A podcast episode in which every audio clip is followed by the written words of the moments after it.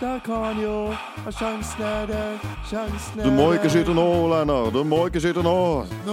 Treffer!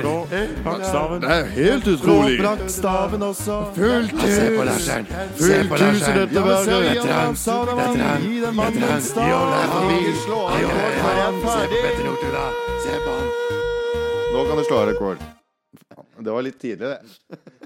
Subjektiv idrett! Woohoo! Hei, og hjertelig velkommen til Subjektiv idrett med meg, deres programleder Carl Wille Børresen. Og i dag så er det 11. februar, og i morgen da er det 30 år siden OL på Lillehammer. Kanskje det største norske idrettsarrangementet i moderne tid, i hvert fall.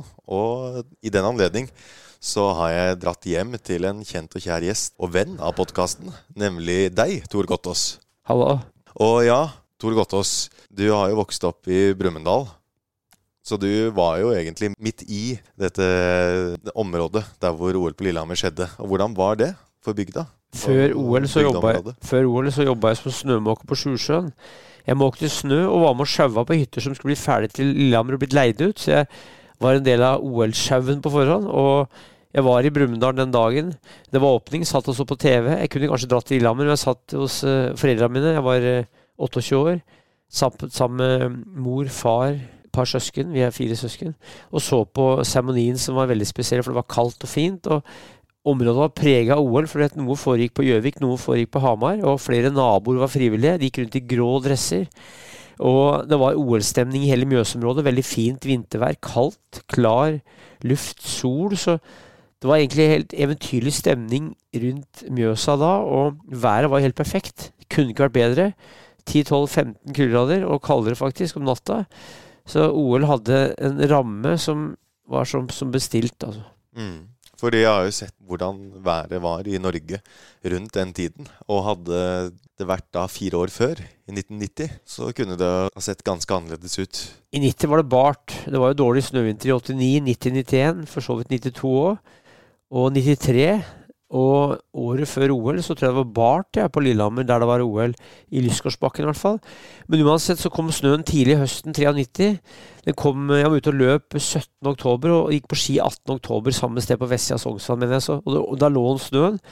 Jeg gikk på ski sammenhengende i Oslo to måneder før jul i 1993. Og begynte å jobbe på Sjusjøen i januar 94. Som ut, ferdig utdanna folkeminnegransker med hovedfag i folkloristikk. Og snømåker og noe av OL-tida, så var jeg faktisk på Sjusjøen. Gikk på ski ned til Lillehammer for å se på. Hadde ikke billetter. Lå på hytta på Storåsen som mor og far hadde, eller bestefar hadde hatt, da, som de hadde arva av bestefar min. Og gikk på ski ned til Lillehammer, sto i løypa, så på og gikk tilbake. Jeg husker en gang så En av dagene så traff jeg Svenskene gikk ganske dårlig på Lillehammer, og jeg traff Torgny Mogren, som skøyta i løypa, og jeg tror kanskje det var Christer Maibekk. De var oppe og skøyta i mørket, for jeg gikk oppover i mørket. og de skjøyta, Jeg gikk klassisk, de skøyta for meg oppover, og det var en veldig kald dag. altså Det var, det var nede i 25 minus om natta, vet du, og kaldere. Og før OL, når jeg bodde på Sjusjøen, så var det nede i 17 grader inne i hytta. Jeg gadd ikke å fyre. så jeg jobba ute oppe i 17 timer om dagen. Jeg jobba med snømåking, og han karen jeg jobba for, han satte opp en lyskaster. Jeg hadde med sekk med mat, og jeg orka, kom på hytta, så orka jeg ikke å fyre opp. Så jeg målte nede i 17 minus inne i hytta. Men jeg var jo så sliten eller sigen at jeg sovna uansett, og lå med tre-fire dyner og fullt påkledd. Og jeg, jeg var jo da en av de som eh, Det var ikke mange faktisk som lå på Sjusjøen da, men det gikk rykter om at en av hyttene skulle leies bort til Kevin Costner. Jeg vet ikke om de gjorde det, men det var rykter om det. Altså bare, mye, eller Edvard Kendy gikk det rykter om. Det gikk masse rykter før OL. Her var før internett, vet du, så de kunne ikke fange opp ting sånn som i dag. Så det var en helt spesiell tid, og Lillehammer har vel aldri vært finere enn det var akkurat da. Men eh, du sier jo at du møtte svenske langrennsløpere. Hadde man mulighet til å stoppe opp og snakke med disse løperne, eller var de innesluttet og trente?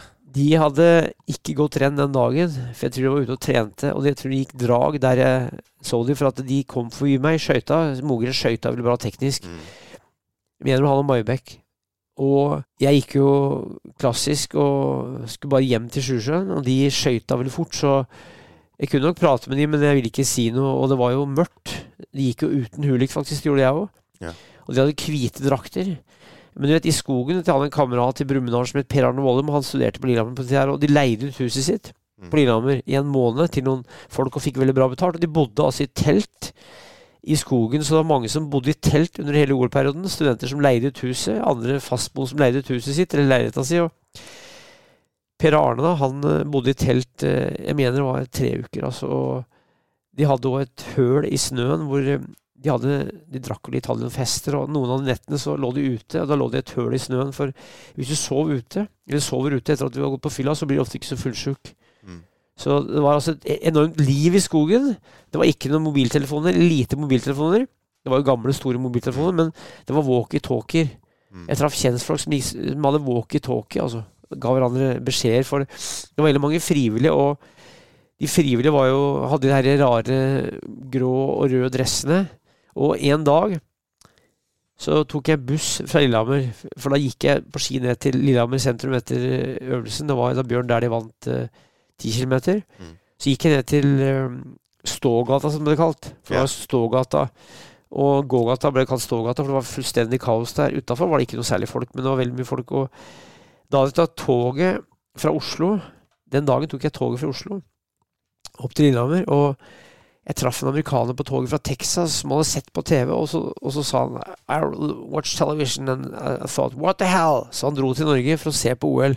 Han traff jeg på toget opp til Lillehammer den dagen, men uansett tok bussen tilbake fra Lillehammer til eh, Brumunddal. For da og da husker jeg bussen stoppa i Brumunddal, men det var noen folk som da var svensker, som tok bussen tilbake til Sverige. De, de kjørte buss att og fram fra Sverige hver dag. Det var altså buss til Hamar, så kjørte bil. Så det var noen som altså rett og slett bodde i Sverige, på grensen, og kjørte bilen tre-fire timer til Lillehammer hver dag for å se på øvelser. Det var veldig mange som dro langt for å se på, men mange var som sagt i skogen. altså Det var et enormt folkeliv i skogen. Mm. Fordi det var øvelser da på, på Lillehammer, selvfølgelig. Og så var det skøyteløp på Hamar. Så var det ishockey på Gjøvik. Ja, det var det. Og så var det alpin på Kvitfjell. Mm. Haf- Hafjell òg, jeg vet ikke om Hafjell òg? Jo, jo, det var slalåm, eh, storslalåm på Hafjell. Så var det utfor og super-G og sånt på Kvitfjell. Og så Hillary Clinton var her. Var i Norge, og hun sa ah, 'It's so beautiful'. Bill var ikke her, men eh, kjerringa hans var her. Og du vet at eh, det som var morsomt med OL, var at eh, det hadde vært dårlig snøvinter, som jeg sa, en tre-fire-fem år før. Mm. Vi var ikke vant til så kalde vintre, så snørike vintre, egentlig. Vi var jo vant til det kanskje fra 80-tallet og fra 70-tallet, men det hadde vært noen dårlige snøvintre, og folk var jo veldig pessimister av den grunn. Men så ble været så perfekt. Det var ordentlig kn det knitra under beina når du gikk eh, i gata. Og sånn var det på hele Østlandet, rundt hele Mjøsa, og i Oslo. Så det var et eller annet med det været som Da Thor Heyerdahl var med og åpna det, var det ikke det? Og han snakka jo enda dårligere engelsk enn eh, Torbjørn Jagland. og han har bodd eh, mange år i utlandet, så han åpna det, og Ole Gunnar Firesel hoppa vel. Nei, han, han skulle ha Han hoppet, skulle, ja. men så falt han. Så det var en, um, var en annen en sånn Grødum eller et eller annet. Jeg Ja. husker ikke navnet, dessverre. Han falt, og så den skaden tror jeg han fortsatt sliter med ennå. Ja, og det var vel eh, Juan Antonio Samaran som hadde sagt til eh, Heiberg, som da var eh, ansvarlig Gerhard Heiberg. Ja, han eh, hadde jo sagt det at det skulle ikke, det skulle ikke være noe sånn skihopp, det var for eh, farlig. Og da eh, insisterte Heiberg på at det, det måtte gå. Og det gikk jo, Ja. men eh, det må ha vært eh, nerver. Det spesielle om Lillehammer, det var jo to år etter Albertville-OL. Ja. For du vet, fram til 1992 så var det sommer-OL og vinter-OL samme året. Det var jo OL i Spania i 92, sommer-OL, var det ikke det? Jo, i Så var. Albertville om vinteren. Men da fikk du altså så- vinter-OL fikk du da to år senere. Mm. For da skulle vinter-OL og sommer-OL komme annethvert år, for å få Mm. OL annethvert år. Og da gikk jo som, det neste sommer-OL gikk i Atlanta i USA i 1996. Så det var altså bare to års Albertville hvor Norge hadde gjort det veldig veldig bra. Mm. Vi hadde gjort det ekstremt dårlig i 1988. Vi hadde ikke fått den eneste gullmedalje i Calgary-OL. Det dårligste vinter-OL noensinne. Ja. Norge. Og vi, da ble Olympiatoppen starta, og det var en slags reisning av norsk idrett. Mm. Høydeprosjektet begynte i langrenn. Du fikk steinslipte ski, som utlendinga ikke hadde. Mm. Og det var en mobilisering mot Lillehammer. Koss la jo opp etter OL i 94. Han hadde jo en skøyteklubb som het SK94. Ja. Skøyteklubb 94. Han gikk jo egentlig for series, tror jeg, på Lillestrøm. Eller tror jeg. Men i hvert fall han var sponsa av Tom Hagen nå, tror jeg. Mm. Da. Så Koss, han Odne Sønderhold fortsatte jo, men Kåss la jo opp etter 94. Og det var veldig mange som eh, var eh, gode da. og de som var gode da i 94, de var utøvere som var født på 60- og 70-tallet. Ja. Du vet, det spesielle var i 94 at eh, når vi kom til 1994, så var jeg rundt i Norge den vinteren litt og høsten. Og da hadde mange nordmenn slutta å hoppe på ski. Mm. Hoppsporten hadde fått en knekk gjennom bokløvstilen. Eh, unger var ikke så mye ute og lekte på ski. Eh, det hadde vært eh, det, altså, Halvidrett som håndball særlig hadde en veldig vekst da på 80-tallet. Og særlig da det kom de dårlige snøvintrene på Østlandet med folkerike strøk på, fra 89 til 93, så, så var det mange som slutta å gå langrenn og hoppe på ski. Unger, altså. eh, Og skiskyting. Så skisporten hadde egentlig fått en eh, rekrutteringsmessig knekk før OL. Men de som var gode til 94, de hadde ikke opplevd det. De hadde gått på ski på 70- og 80-tallet. Så det var altså en merkelig situasjon hvor interessen blant de yngre faktisk i åra forut var på et lavmål, egentlig. I, nå snakker vi særlig om langrenn da, og hopp, for så vidt. Mens da utøvere var veldig gode, så Arne Haukvik, som var sjefen i Bull blant, eller for Bislett, han var Bislett-alliansen, han med stråhatten, hvis du har hørt om han? Arne Haukvik. Mm, Han var, eh, ikke gikk rundt med ropert på Bislett-stevnet og ropte og var sjef for Bislett-stevnet i mange år. Han sa det at nå må vi gjøre det med norsk skisport, for det er bekymringsmessig. Det er ingen som hopper på ski, det er ingen som leker på jordene. Jeg husker jeg kjørte bil rundt i Norge i 94 og så det at det, hvis det hadde vært ti år før, det vært masse skisport på jordene. Sånn var det ikke. Dataspill hadde begynt å komme, så det var noe med at det, det var en brytningstid da, hvor datamaskinen var i ferd med å komme inn for unger. Ikke for fullt, ikke mobiltelefoner, men det var, det var altså den gamle tida som regjerte på Lillehammer før, data, før, eh, før internett. Altså det fant, internett fantes jo fra 69, men, og, men det var ikke, verden var ikke prega av internett sånn som det er i dag. Mm. Så det var TV, aviser som dominerte media. Ja, For jeg, mm, jeg har jo intervjuet eh, Intervjuet kommer jo ut etter dette. Men eh, jeg har intervjuet Espen Breddesen, som vant OL-gull i hopp nettopp på, på Lillehammer. Med gule rottefellabindinger, Ja. har jeg hørt. Jeg skal spørre ham om det. Jeg skal ringe ned og høre om det.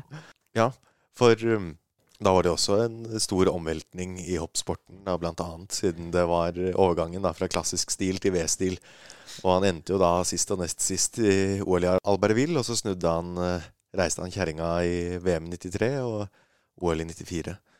Men ehm, det som du sier med at generasjonene da mellom denne Lillehammer-generasjonen og etter at de ikke trente så mye, eller lekte så mye, da, ute i naturen. Det var mange færre, og du vet f.eks. Skofterud og Bjørgen er født 1980. Ja. Og de tilhørte de generasjonene hvor og Skofterud bodde appåtil i Slitu i Østfold. Mm. Og vi gikk jo på skigymnas bort på Hovden, så det var, det var veldig mange færre som drev med skisport, eh, både hopping og langrenn, f.eks. i 1980. 94 var i 1984, som mm. høydepunktet i norsk eh, skisport eh, for langrenn i antall utøvere blant yngre, var rundt 1980. Mm. Det har aldri vært så mange langrennsløp i Norge vil jeg påstå, som i 1980, både voksne og, ba og barn. Mm. Og hoppsporten hadde en synkende kurve, for da bokløpsstilen kom, så det sies at det var 3500 lisenser ca. i 1987. Mm. Og så kom bokløpsstilen, og mange klarte ikke å legge om til bokløpsstilen. Mange tørte ikke, mange ville ikke, og mange bakker måtte bygges om. Mm. Så vi gikk det en ny knekk, og nå er det ca. 350 lisenser i år. Det betyr folk som hopper på minst tre renn i året, er over 13 år, og det er begge kjønn. Så det er altså 10% så mange skihoppere i dag som det var i 1987, Mm. på 37 år. Og den nedgangen hadde begynt uh, da mot Lillehammer, for V-stilen gjorde noe med hoppsporten, uh, og uh, bakkene måtte, måtte bygges om. Mm. Og Bredesen takla det bra. Han klarte å legge om fra 92 til 93, så var jo han som du sa, verdens dårligste, eller ikke dårligste, men altså dårligste i OL, og så var han plutselig best i verden. Så han var veldig god til å legge om, han og Lasse Ottesen. Mm. Og flere norske. Ja, men er dette er en slags uh, forklaring på hvorfor den generasjonen som kom etter denne Bjørn Dæhlie, Thomas Alsgaard, eh, Vegard Ulvang-generasjonen, f.eks. i langrenn, da, uh, så slet de jo mer på en måte. Altså denne generasjonen mellom Bjørn Dæhlie og Petter Northug, kanskje. Det kan godt hende. I tillegg så vet vi da at i 1994 så hadde jo østblokken gikk jo dukken rundt 1990. Sovjetunionen rakna. Øst-Tyskland rakna. To store idrettsstormakter. Og Tsjekkoslovakia og andre land ble det ble en helt annen situasjon. For i østblokken så hadde de hatt eh, statlig organisert idrett, hvor de var statsproffer ganske tidlig. Både med skoler og med stipender og med lønn i hæren f.eks. etter eh, utdannelsen, som ofte var i militæret. Så konkurransen ble litt annerledes. og de utøverne som har kommet opp, f.eks. etter eh, de her folka, altså de som dominerte langrennssporten fram til 2002, var jo faktisk utøvere som var født altså da på 60-tallet. Med Sture Sivertsen, Erling Jevne, Bjørn Dæhlie Nå var ikke han med så lenge, da, men Alsgaard kom litt etterpå. Men han, han tilhørte de som, som, som, ble frelst og ble god skiløper før de her dårlige snøvintrene. Men det er riktig, det er sikkert riktig, det, for det var så mange færre å ta av. Jeg vet at i kretsen i Hedmark fylke, så Hedmark fylke i dag er jo én skikrets. Mm. I 88 ble det én skikrets, og før det var det jo fire skikretser. Det var Hedmark, Sør-Østerdal, Nord-Østerdal og Glåmdal. I dag er det én skikrets. Og jeg så noen statistikker, f.eks. i 394 på antall deltakere i kretsen. Det var veldig få som del, i kretsen for unger. Det var fortsatt en god del, altså, men det var mye færre, så det var ikke så mange å ta av. Så da Northug kommer opp også i slutten av 90-åra, så var jo han best, men det var, det var, færre som gikk på ski fordi det hadde vært en avskaling. Og, men eh, det her Vi hadde mye å gå på, altså, så fortsatt var det mange som gikk på ski. Mm. Ja. Og det, man ser jo det at det var en voldsom boost, og utrolig viktig for Idretts-Norge å få dette mesterskapet. Og også for Norge som nasjon, vil jeg tro. Til tross for at det nok kostet mye penger så tror jeg man har hatt veldig godt av det for å få et slags eh, felles minne jeg å glede seg over. Jeg mener det. altså Du vet at eh, OL var jo i Norge i 1952, etter krigen. Det var snakk om at det skulle være før krigen òg, men så kom krigen og ødela. Og i 1994 så var vi blitt en oljenasjon. Vi hadde god råd. Oljefondet er omtrent fra den tida, er det ikke det? Jo, ja, og, og, vi hadde en god del sjøltillit. Det hadde vært litt krise og litt nedgang etter jappetida.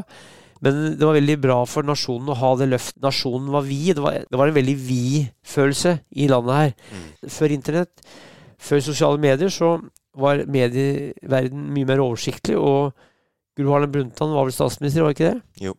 Arbeiderpartiet styrte, som hadde gjort delvis Ikke hele tida, men gjort i mange år fra 1930-tallet, midt på 30-tallet. Så det var en nasjon som var blitt nyrik, og som da hadde veldig godt av et sånn felles løft, hvor vi endelig fikk vist verden hvor gode vi var i vintersport. Og de hadde ikke vært for at i østblokktida, som, som varte egentlig fra begynnelsen av 50-tallet, da Sovjetunionen kom med, med internasjonal idrett for fullt etter krigen, og Tyskland kom med, og Øst-Tyskland ble en nasjon, så hadde de dominert mye mer enn vi kan tenke oss i dag. Og da viste Norge endelig at vi var eh, best igjen i 1994. Det var ikke noe selvfølge f.eks. etter 1998 i, mm. 1988 i Calgary. Ja. Så vi reiste oss, og det var en medgangsbølge. Og med mange utøvere som var født som jeg sa, på 60-tallet, eller som Alsgaard og Aamodt og Kjus, som etter hvert kom med der, i begynnelsen av 70-åra. Mm. Og um, tror du at Norge hadde klart å få dette til om uh, OL hadde vært tidligere? Om det hadde vært i 1984? For Nei, for da var det mer uh, statsstøtta idrett i Øst-Europa. Mm. Og fallet til Øst-Europa har mye å si. Mm. For det, det, det, gjorde at eh, de ble dårligere. Mindre konkurranse, mindre systematisk uh, satsing hos de. Det gjaldt jo Sovjet, som jeg sa. DDR, Tsjekkoslovakia, Bulgaria. Ikke gode vinterland, men uansett. Uh, og det var jo veldig mye systematisk doping i det landet her. I 94 så hadde vi EPO.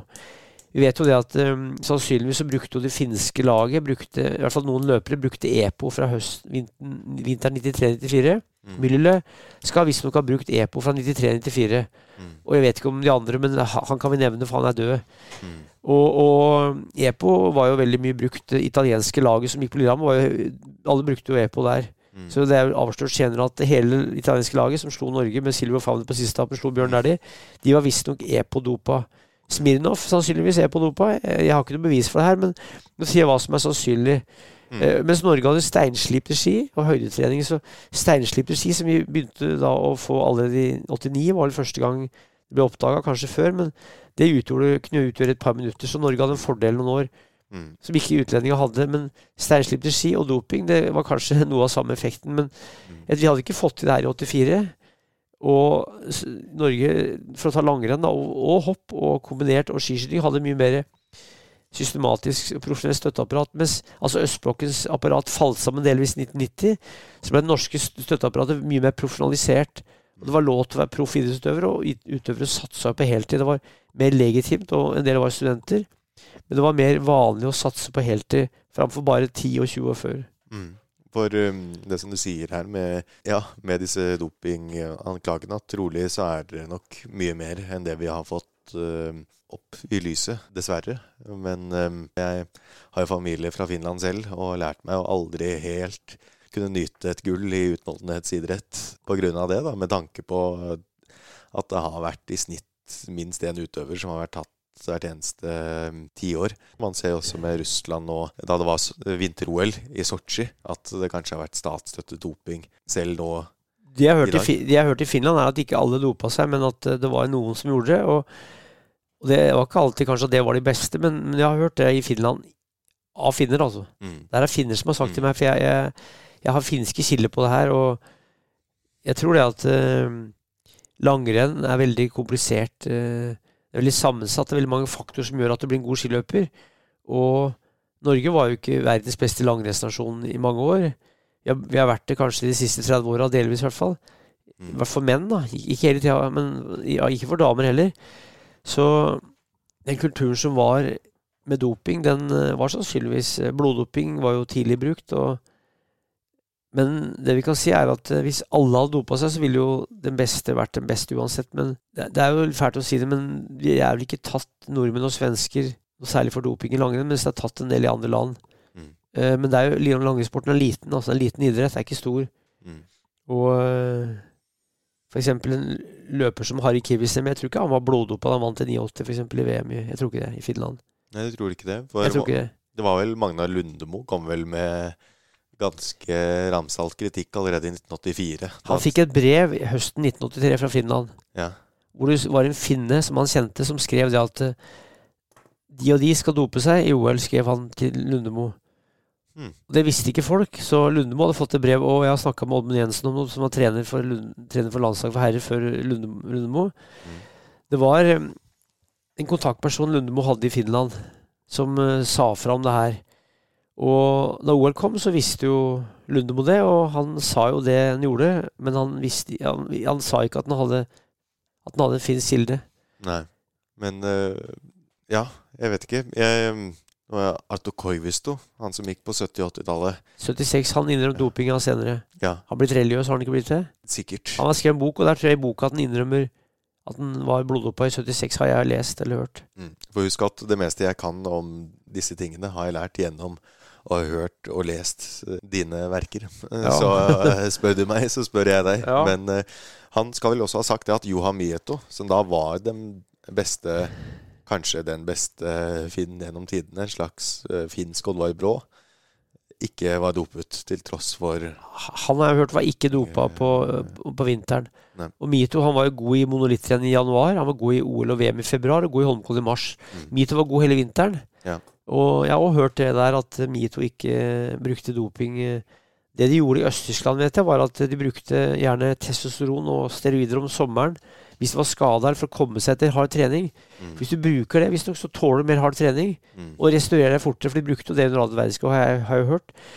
Så doping kan brukes på mange måter. og vi vet jo ikke hvem som var dopa og ikke dopa i langrenn, men det var jo visse nasjoner, østerrikere, italienere, mm særlig, og østblokkland. Ja, og altså på en måte er det jo har det vært bra med tanke på at det har vært flere land som har gjort det bra. Helt enig. Men det negative med det er vel mer det rent fysiske. Altså at det ikke er sunt for kroppen. At det kan ha en negativ innvirkning på for deres kropper rent fysisk. Det de gikk jo mye rykter om Smino f.eks. Han, han er jo egentlig fra Kasakhstan. Mm. Gikk jo først for Sovjetunionen. Og så gikk han Han vant jo VM i 89 på tremil i rafti, jeg var det og så på. Mm. Så gikk han for Kasakhstan. Han gikk til rykter om at uh, Han brukte jo en italiensk lege, visstnok samme som uh, Som Lance Armstrong. Jeg har ikke, jeg har ikke noe bevis på det her, altså, men det her er ting som blir sagt. Og han var jo på Lillehammer, gikk jo den femmila. Mm. Det var jo et eventyrlig renn. Vi dro fra Brumunddal, jeg fatter'n og Per. For Lars Brumund var borte i USA den vinteren. Han var og kjørte fleskepudder, altså telemarkskjøring borte i Utah, borte i Alta og snowboard i De kjørte med maske. Det var så mye pudder sånn at de kjørte med maske. Jeg og fatter'n og Per dro opp, i, opp på femmila og kjørte bil fra Brumunddal. Det var 25 minus om morgenen. Kjørte bil opp til Messenli, parkerte i Messenlia og gikk på ski en eh, eh, snau mil fra Messenli. Det var enormt med folk. Det ble sagt at det var 25 000 som sov i skogen den natta. Og det var Mm. ca. 25 minus, kanskje enda kaldere. 16,7 ganger 3 km. Altså 16,7 ganger 3, og veldig fin løype. Vi sto ved Sjøseterlia på toppen der. Eller Sjøsetra oppi der. Det het vel det? Mener de het eh, oppi, oppi der en stand, altså, Ikke Sjøseterlia, men vi sto oppi toppen av, toppen av løypa. Det var helt fullt langs hele løypa. Og der var det stemning. Altså. Det var skikkelig moro å se på. Da var jo Smirnov han vant jo OL-gull, og Disholt var jo der. eh, Müller, Sture Sivertsen, Erling Jevne. Det var veldig artig renn å se på. Og det var jo en femmil som gikk på tørt, kaldt føre. Og Smirnov Fant fikk jo veldig mye jubel. For han Mm. hadde ikke fått noe gull, og tok endelig OL-gull. Etter at han ble slått av Bjørn Dæhlie året før i Falun, så tok han OL-gullet sitt og fikk endelig et OL-gull. Ja. Og så var det jo VM i Thunder Bay etterpå, hvor han virkelig fikk igjen for strevet sitt, i hvert fall. Der ble det jo tre Og rett på, ja, han gikk jo ikke stafett, for han, han hadde ikke nok løpere på, fra Kasakhstan, tror. Men de gikk, Eller de, de var såpass svake Ja. at han orket ikke å bruke krefter på det gikk, det. det gikk rykter Nå sier jeg hva som er rykter, jeg, si jeg vet ikke om det er sant. Så gikk det rykter om at uh, Smirnov var nede i Italia under OL for å få noe hjelp av han Konkon, eller han legen. Men det her er rykter, altså. Mm. Jeg skal ikke si at Smirnov var dopa, men det gikk mye rykter om det. Og han gikk jo ekstremt bra på ski. Han var en veldig veldig god skiløper. Han gikk jo Mm. veldig bra teknisk. Og var jo egentlig perfekt klassisk etter den teknikken som var da. Altså, Smirnov i motbakke. Enormt fin diagonal, altså. Han var jævlig god teknisk. Så veldig kraftig, litt sånn undersetsig type. Sånn 1,84-84 kilo. Så Mm. etter den gamle normen så gikk han ekstremt bra på ski, altså. Mm. Stor og sterk. Ja, og veldig sympatisk type, tror jeg. Han Mm. Så, så ut som en russer. Han så ut som en russisk bjørn. Mm. Så Han eh, var veldig populær i Norge, og alle visste jo om Smirnov. Han snakka litt svensk, for han flytta jo til Sundsvall. Ja. Så han ble jo ti- tidlig eh, sovjeter, altså for han var jo ikke russer, han var jo sovjeter. Og Mm. da han var på landslaget, har jeg lest, for jeg har lest en bok om ham, så, så var det så mye reising at han brukte ei uke Han var tre uker på samling i måneden. Mm. Så brukte han ei uke på å reise til og fra samlinga. Oi. Så han var tre uker på samling i måneden, altså. Det var altså tre dager, to-tre dager hver vei, og så, og så var han da på samling. eh, Så han, han var en ekstremt seriøs skiløper og god skiløper som, eh, som vant. Men det gikk jo rykter også med seg om, eh, om at det var noe EPO brukt der.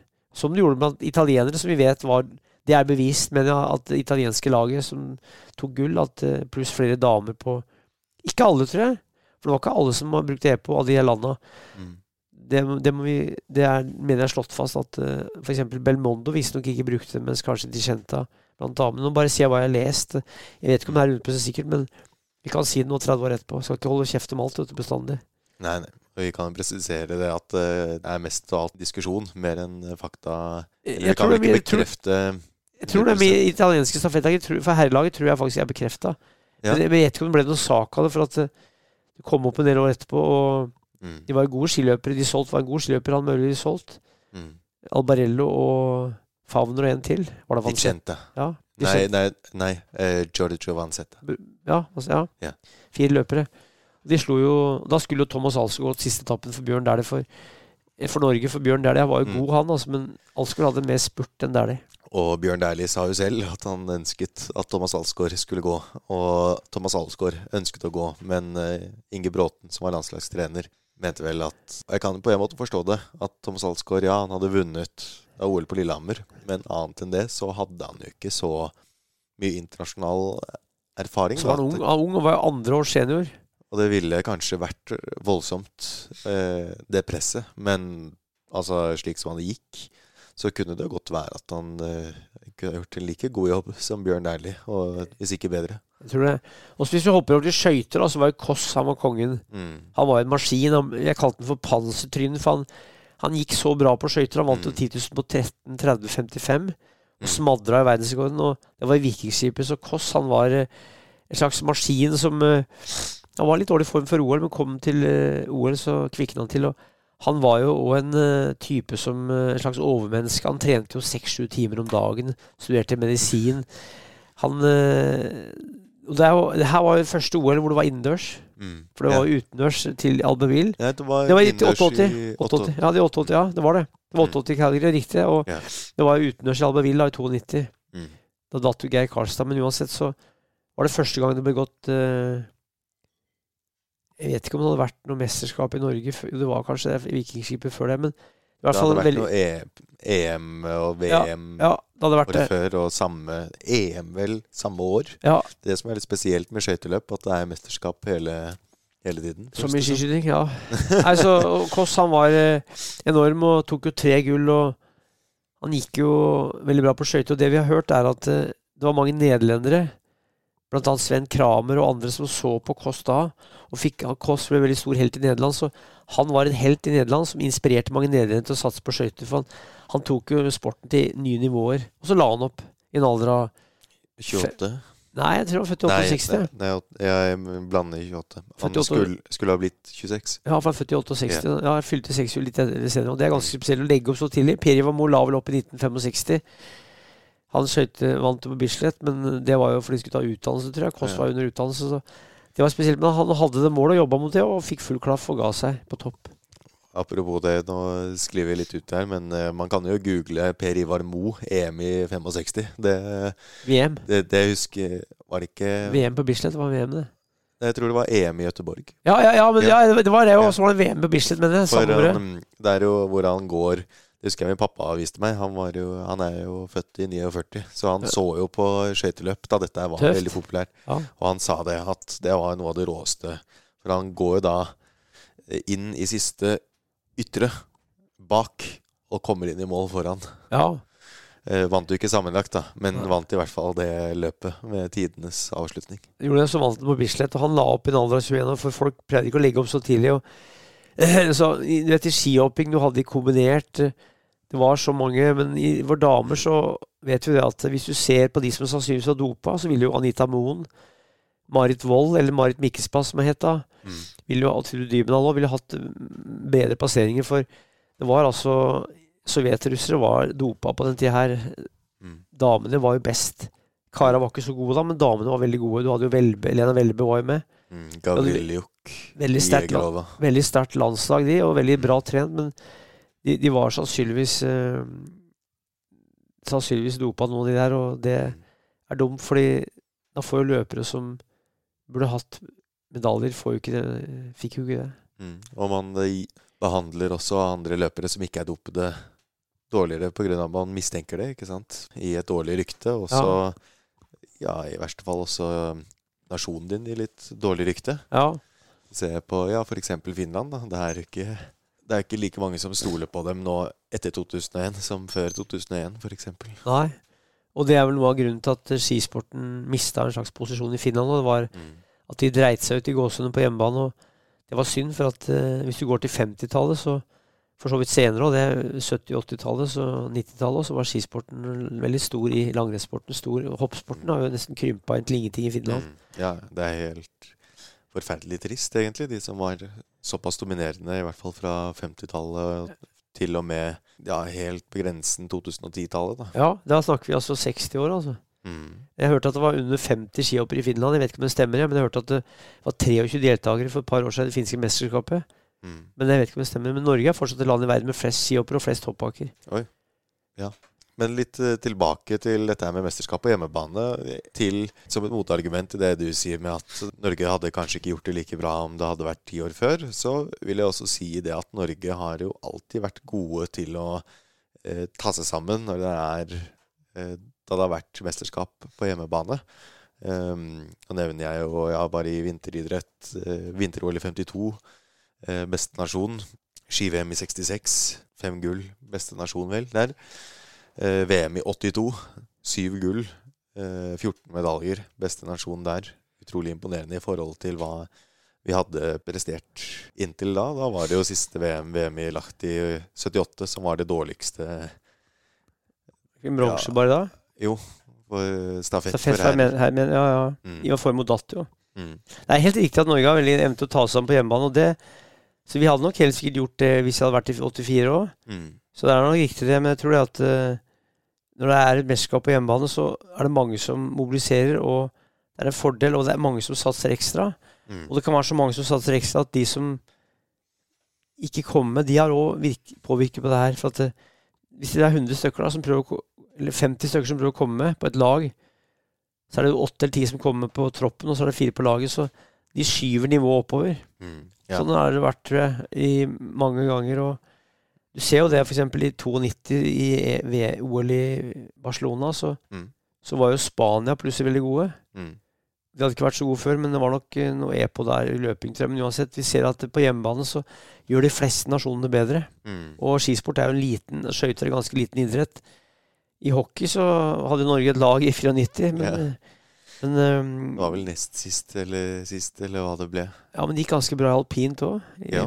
Det ble, altså det ble jo ikke Det var høye forventninger, forhåpninger, der. Men ehm, Og det ble jo bare et gull, men det ble mange medaljer. Og alpint er jo en krevende idrett ved det at eh, Ja, hvis du kommer litt borti snøen med, med hånda i en sving, så kan du gå fra gull til fjerdeplass. Det er små marginer, altså. Mm. Jeg skjønner ikke at de tør. Jeg skal på Kvitfjell på fredagen, og det er et foredrag før utfor på Kvitfjell. Jeg skjønner ikke at, at de tør å kjøre. Altså. Jeg er imponert over det.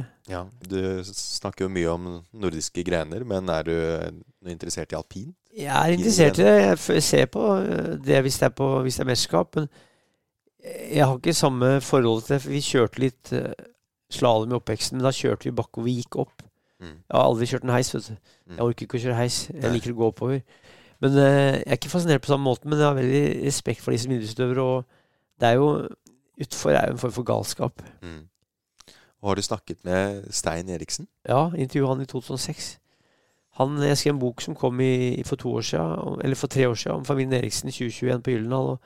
Jeg intervjua Stein i 2006, for jeg skrev en bok som het 'Skimakerne', som kom i 2007, om norske skifabrikker. Og han var jo alpinist og kjørte jo på I 52 OL, han vant OL her, så han, kjørte han på treski, men med en slags plastsåle.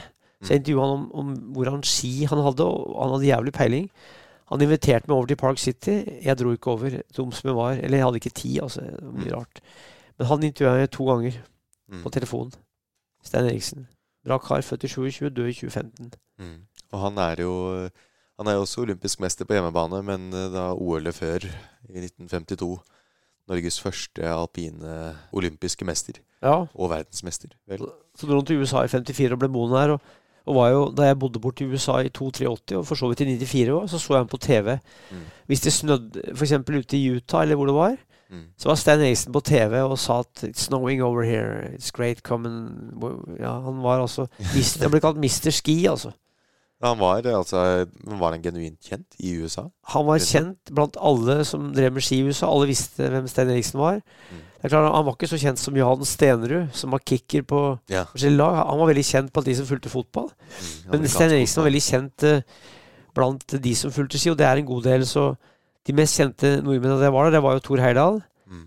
Liv Ullmann, Jan Stenerud, og Stein Eriksen og Grete Waitz.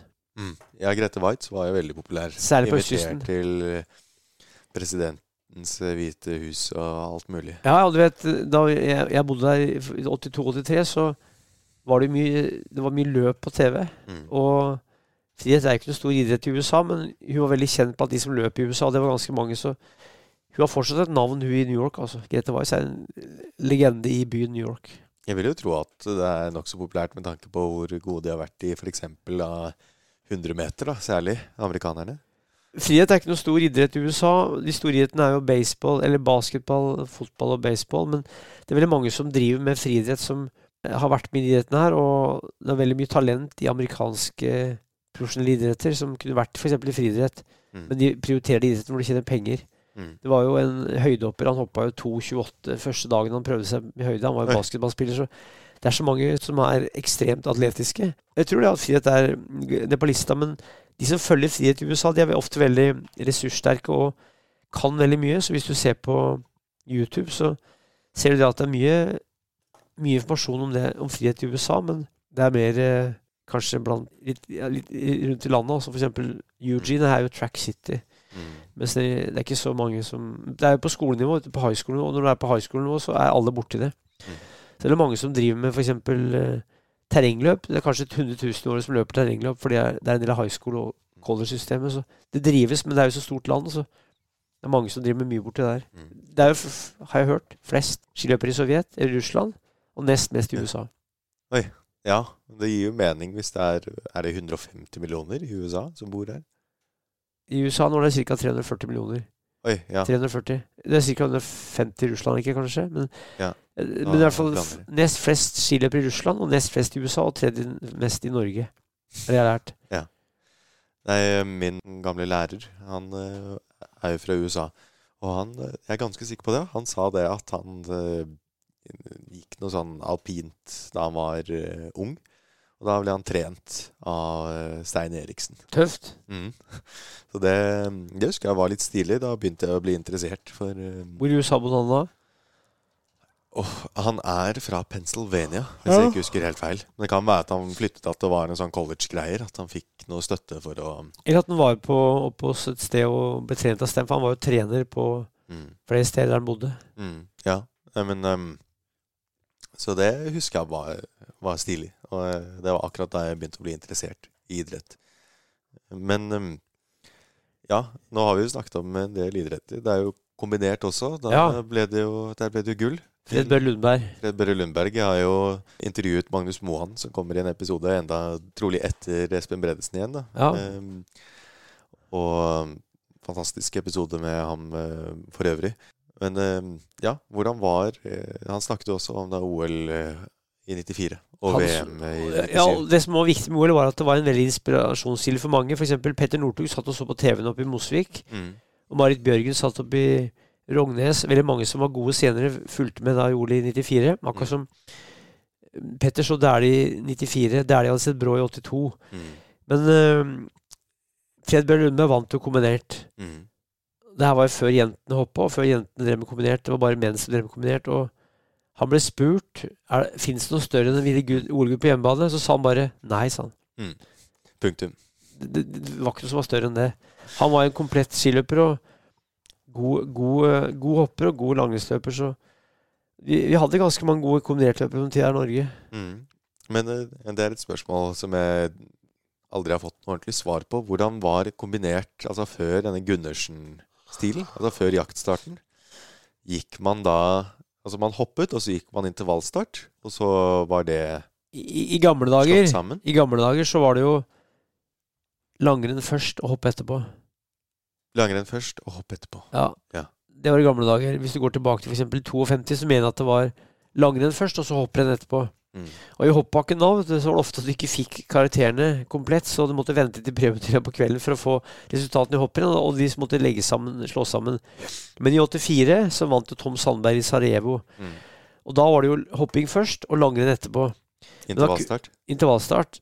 Du kunne jo få sekundering da etter hvordan du lå an. F.eks. hvis du lå Hvis du starta fem minutter bak en som leda med et halvt minutt, så kunne du jo se hvor mye du lå i forhold til han. Så du kunne få altså sekundering, og du kunne se på skjermen. Mm. Men så kommer Gunnar-metoden. Jeg er litt usikker på om det var 84 eller 85 for første gang. Jeg tror kanskje det var 87. Ja, for det var ikke i 85. Du Nei, var da vant Geir. Andersen, var det ikke det? 87 var det jo Torbjørn Løkken som vant. Yeah. Og den dagen i 87 så gikk jeg Grenadierløpet. Mm. Fra Hakadal, Stryken til eh, Solhøgda. Mm. Eller, eller ja, borti der, da, en stand. Og underveis så hørte jeg at folk hørte på radio langs løypa. De hadde radio langs løypa. Birin tror jeg gikk ut Torbjørn Løkken, født i 63 fra Birin, han ble kalt Birin. Han gikk ut som nummer 17, tror jeg. Mm. Cirka. Og jeg hørte at den gikk seg opp. Han gikk seg opp og gikk seg opp, og der hørte jeg lang, mange sto langs løypa og så på i. Så var jeg på toppen av en bakke. Så hørte jeg at Birin var i ferd med å gå opp i teten. Så stoppa jeg da og hørte på radioen i 15-20 sekunder. Og hørte at nå var han i tet, og så gikk jeg videre. Ja, jubla vi. Da sto folk og hørte på radioen. Han, han vant jo da med skøyting, for i skøyting i kombinert så var det jo bare skøyting. I langrenn ble langrennssporten fra 85-86 ble langrenn delt i klassisk og skøyting, eller fristil. Mm. Mens i skiskyting og kombinert så var det jo bare skøyting fra 86-vinteren. Mm. 85-86. Så det var òg det første gang Første VM hvor det var ordentlig skøyting, var 87. Mm. For det var jo litt rar skøyting i 85 i C-felt. Mm. Og så at det var Gunnar-metoden. Og den eh, gjorde noe med For Bi- Birin han gikk jo, tok igjen så mange Mm. lag. Og det var jo også veldig spennende. På en måte er det jo mer spennende, mer attraktivt for de fleste å se at du ser et renn, og så går seier, eh, seierherren, eller seierkvinnen, først i mål. Ja, det var genialt. det, Og jeg så det senere. Jeg løper på TV-en. Jeg hørte på radio mens jeg gikk langrenn. Og så husker jeg det var en lørdag. Så gikk jeg på kino om kvelden. og så så jeg det i eh, dagen etterpå på Sportsrevyen. Mm. Det var Sportsrevyen hver søndag. Mm. Så jeg så det da på TV, opphentinga til Birin, og han tror han gikk ut som nummer 17 eller rundt der, altså tok en og Det var ingen som forventa, tror jeg, at, kanskje bortsett fra han sjøl, at han skulle ta det gullet. Mm. Så jeg husker jeg, hadde, jeg bodde i Oslo på den tida, og jeg så han drev og skøyta. Altså, sommeren 86 så husker jeg jeg var ute og gikk på rulleski på Carl Kjelsens vei, og da kom Birin skøytende noe helt jævlig. altså. Han skøyta med armene på ryggen og lå nede, så han hadde veldig bra etter datida bra utvikla skøyteteknikk. Han ganske, Mm. var ikke så lang, ganske liten kar. Som skøyta veldig bra teknisk og hoppa brukbart, så han eh, fikk den store klaffen akkurat i 87. Men uh, se på kombinertsporten, da. Så har det jo Simon Slåttvik vant jo i 1952. Ja, Da har jeg hørt at da han gikk i dusjen, så fikk han beskjed om at han var olympisk mester. Da må han vel ha hoppet foran og så ha gått langrennet. Eller? Det, det kan godt hende at han gikk da langrennet, for at uh, jeg, jeg er litt usikker på om det var, om det var, om det var OL Om det var uh, hopping først da, for at jeg vet at han sto i dusjen sammen med Hallgeir Brenden. Mm. Så da vant 18 km. Hallgeir sa det her til meg, så det kan godt hende at, det- at det var langrenn som var sist da, men jeg vet at mange ganger, i hvert fall før det, så var det kombinert hadde hopping eh, Langrenn først og hopping etterpå. Mm. Eh, men det kan godt at det var da langrenn i eh, Ja, for han fikk beskjeden i dusjen. Hallgeir sa at de sto og dansa rundt i dusjen. Men um, var det sånn at kombinertløpere på den tiden at de hoppet De måtte gå langrenn sammen med spesiallangrennsløperne. I 52 så stilte de samme løp som uh, spesialløpere, ja. Mm. Men det gjorde de ikke i 84. Nei. Og at de hoppet sammen med spesialhopperne, eller? Det tror jeg ikke de gjorde i, i 52, nei. Nei. Da tror jeg det var egentlig hver for seg i hopp, og så at det var samme langrenn. Sånn, jeg, jeg er ikke helt sikker på det her, altså. Jeg tror det.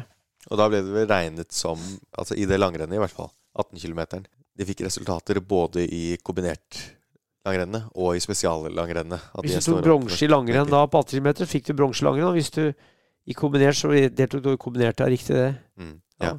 Og det er også et spørsmål som jeg har apropos OL på Lillehammer. Da var jo japanerne gode i kombinert.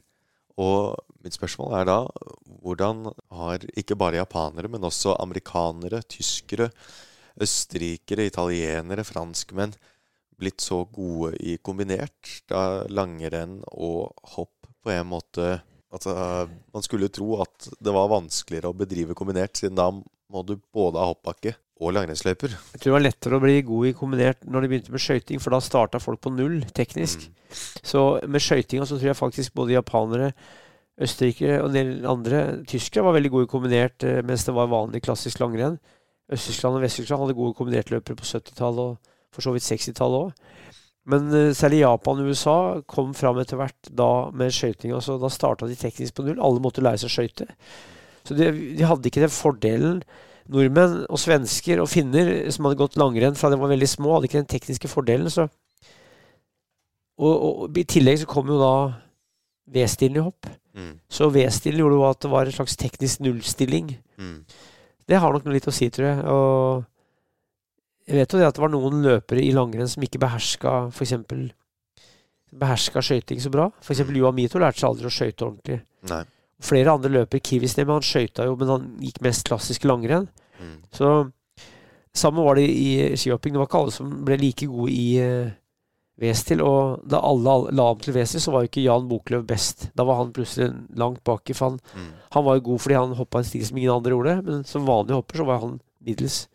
Ja, det gir jo litt mening Ja. når du sier det på den måten. Det som også var spesielt med Norge, var jo det at de, de hadde en olympisk mester, Tormod Knutsen, i Innsbruck i 64. ja. Men så vant de ikke en eneste medalje før Tom Sandberg da i 1982. Og så til fire, ja. ja. Vet du hva, Det hva som skjedde det var der i den Veldig stor satsing i Øst-Tyskland på kombinert. Og hadde Ulrich Wehling blant annet, som var veldig god. Så Øst-Tyskland satsa veldig på Konrad Winkler, var det en som het òg. Mm. De hadde veldig satsing på kombinert, for at østtyska de ønska å utfordre det norske og det svenske og det finske hegemoniet, annet i langrenn. De fikk jo opp Gerhard Grimmer i 1970, Gerhard Irma Klause. Veldig mange gode damer i langrenn. Mm. Så det var det at de satsa, og du vet, i, kombinert så var det det her med dresser. Mm. Så dre, hoppdressen den norske hoppdressen var jo dårlig. Norske hoppski var ofte gled dårlig, så en blanding av norske, dårlige norske hoppdresser på 70-tallet en, Noen De skal ikke skylde på utstyret, altså, men, men, det hadde noe å si. og Østtyskere var flinke til å forske på dresser som lå i vindtunneler, og de var veldig vitenskapelige. Mm. Og Ulrik Schweling var jo en statsproff. Det var jo ikke Tom Sandberg, tror jeg. Så de drev veldig profesjonelt, østtyskere. Og eh, Sovjet har aldri vært noe særlig god i kombinert, men tyskere hadde veldig bra program, og de satsa på kombinert. Og på skihopping. De hadde ikke så mange skihoppere, men vi var veldig profesjonelle. og tror det har mye å si, altså. Mm. De hadde Sovjetrusserne hadde Alar Levandi. Ester. Ja. Eh, eller eh, Ja, gikk for Estland da Sovjetunionen ble oppløst, men gikk for Sovjetunionen da det fortsatt var. Mange løpere var jo ikke fra Russland, de var fra andre stater, som vi så senere. Mm. Og men vet du hvorfor Sovjetunionen var så gode på ja, f.eks. i langrenn da, og ishockey, men hopp og kombinert, der var det ikke Det er et flatt land, vet du. Finland er flatt, og Russland er ganske flatt. Så jeg tror at uh, hoppsport har bare vært stort i Norge. Ja. Og enkelte strøk i Finland, men, uh, og i Tyskland for, for øvrig. Da, men det har vært en veldig kultur i Russland for langrenn. Det var veldig tidlig populært. Vi vet at en russisk skifabrikk, eller sovjetisk skifabrikk på 30-tallet lagde nesten to millioner par i året. De solgte kanskje en halv million, og så lagde de like mange neste år. så pælma de, Men det var en kultur tidlig for langrenn for Sovjet. Og, eller, ja, og det var en del av folkehelse, altså, det her med langrenn. De skjønte tidlig at det var folkehelse. Så der var det en sterk kultur i mange områder. Så det har nok noe med det å gjøre at uh, ishockey og ble veldig populært. Uh, jeg har inntrykk av at det er ishockey og skiskyting og kunstløp og langrenn som er de store vintergrenene borti der. Mm. Skihopping har aldri vært noe stort i Russland. Eh, det har aldri vært mange russere som hopper på ski, eller republikkene, men det har jo, sånn som I Østerrike har det vært stort i visse områder, det samme i Tyskland. Mm. Veldig konsentrert. Det samme i Finland, til få områder. I Norge har det vært populært overalt, og det er bare Norge. Mm. Jeg synes jo dette her er fantastisk spennende å høre om, men jeg skal også trekke oss litt tilbake til det som har vært hovedtemaet for episoden, nemlig OL på Lillehammer. Og da lurer jeg på hvordan var det for, um, ja, for eh, deg som har vokst opp i området, som tilskuer, som, ja, som beboer da, i alt? Det var veldig artig, for at plutselig var området mitt rundt Mjøsa. Jeg bodde i Oslo da, men allikevel, jeg var jo tilhørte Brumunddal da. Det var plutselig var området mitt i verdens, eller i hvert fall vinterverdens søkelys. Det var masse TV-folk, det var masse sendinger på TV. Og jeg var jo på Lillehammer og så jo da Erling Jevne, som hadde konkurrert mot broren min. Og så jo løpere som jeg hadde gått skirenn sammen med på 80-tallet. Mm. Så det var jo tidligere konkurrenter av meg som var gode. Så det var noe med at OL kom hjem til seg sjøl, til det landet hvor det kanskje hører hjemme, mener noen. Mm. Så var det så fint vær, det var så kaldt og realt vær. Og hadde det vært sånn som det var f.eks. 91 eller 90, så ville det vært et helvete. Mm. Men det var så perfekt, rammen rundt uh, eh, OL, med snø, kulde, blide folk. Alle var blide. Det, altså, det var ikke sånn som jeg ser det, var det ikke noe gærent. Det var jo noe tull med Samaranch på forhånd og Ullevang, men mm. sett fra publikums ståsted og utenfra, så var det idyllisk og veldig fint. og det kosta noen milliarder, men det var helt sikkert eh, vel anvendte penger for eh, Norge hadde råd, og det var veldig sammensveisende befolkningen tror jeg. Mm. For um, nå så jo, tenker vi jo på det at ja, OL på Lillehammer, det var fantastisk. Men da det kom, eller før det kom, så var det jo egentlig ganske ekstremt at et så stort arrangement skulle flyttes til et så lite så liten del av et lite land. Det var mange som var imot. De mente at ordet ville ødelegge Lillehammer, det ville ødelegge Innlandet. Det var, noen, det var skriving i Gudbrandsdølen og avisene på Lillehammer, Dagningen. Men uh, det er jo alltid noen som er imot et eller annet. Mm. Norge som nasjon fikk det jo, og det ble flytta opp dit. Det ble bygd skøytehall på Hamar. Det ble vært bygd i Oslo. Det var et tull, syns jeg. Den ble vært i Oslo. Det er fælt at skøytehallen ligger på Hamar, for det ødelegger for skøyterekrutteringa. For det bor flest i Oslo, rundt Oslo. Mm. Men uansett så var det òg et mesterskap, som, eller OL, som, som viste, i hvert fall etter nordmenns mening, mye av det som bør være OLs eh, Altså, det var en folkefest, altså. Mm. Publikum var vel like viktig som utøvere. Og hvis du spør amerikanere og australiere, jeg har snakka med de senere, så, så så de på publikum. Det var jo en slags 17. mai, overdreven 17. mai. Folk mm. gikk ut i sondreklær. og Det var rett og slett mer som sånn erkenasjonalistisk på en litt flåklypeaktig, naiv måte. Mm. Som ikke var noe farlig, men som var Ola Nordmanns måte å feire vinteren på. For det var jo, det var jo enormt mye folk, altså blide folk. Og folk kom fra hele Norge. De dro dit. Det var frivillige, og de dro som tilskuere. Så veldig mange var med på den folkefesten, enten som frivillig eller som tilskuere. Og alle så jo på TV. Det var jo enormt høye TV-tall, vil jeg tippe. Mm. Hvorfor ble det ikke arrangert i Oslo, der hvor ja, den største byen i Norge hadde arrangert Jeg, vinter-OL jeg, jeg vet ikke, jeg kan ikke den historien godt nok. Nei. Eh, Lillehammer hadde jo søkt, og Mm. jeg vet ikke, Kanskje det var pga. at det var eh, Nei, det er jeg faktisk ikke sikker på. Så det, det får andre svar på. Det fins jo det jo en bok om det, så det er jo noen som vet det er mye bedre enn meg. Mm. Men uh, det var kanskje noen som hadde det, og så, og så ble det Lillehammer. Men det var jo nasjonen som fikk det. Det var jo ikke, det var ikke bare Lillehammer-regionen. Mm. Nei, jeg tror vi tar og runder av med det. Og tusen takk for at jeg fikk eh, komme her til deg, Tor. Det, jo, det er jo idyllisk og særeget sted du bor her, med en, eh, en varmeovn som varmer altså opp et helt hus. Og du sitter her i kortbukse, som alltid, barfot. Og jeg, jeg fryser i, i stillongs ullsokker. Fryser du? Ja, eller jeg syns det, jeg syns det er litt småkjølig, ja. Det var, det var ni grader i dag tidlig her. Men jeg fyrte opp, så det er varmere enn ni grader nå. Altså, men eh, jeg liker å ha det Det kan godt være varmt, altså, men det trenger ikke være overvarmt. Men jeg går i kortbukse uansett. jeg, Altså. Ja. Og mm, nå sitter jeg jo i en stol, og hvem, eh, hvem er det som har sittet i denne stolen her før meg? Du reklamerte litt. Petter Northug, Oddvar Brå, Aleksandr Savjalov, Johan Kaggestad, Dag Kaas, Jørgen Aukland, Anders Aukland eh, Mange, mange som har vært på besøk her. Magnus Midtbø. Folk jeg intervjua, og folk jeg prata med til bøker, har vært i den stolen der. Det er hellig grunn, altså. Ja, ja. jeg sitter på her. hvis du går ut og pisser til høyre, så pisser du samme sted som de samme.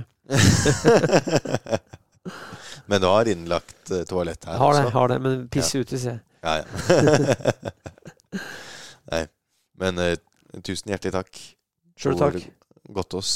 Så får vi nyte det at det er eh, 30 år siden OL på Lillehammer, og 100 år siden det første vinter-OL. Det glemte vi å snakke om, men det får vi heller ta en annen gang. Så tusen takk for deg. Tusen takk for meg. Og tusen takk for oss.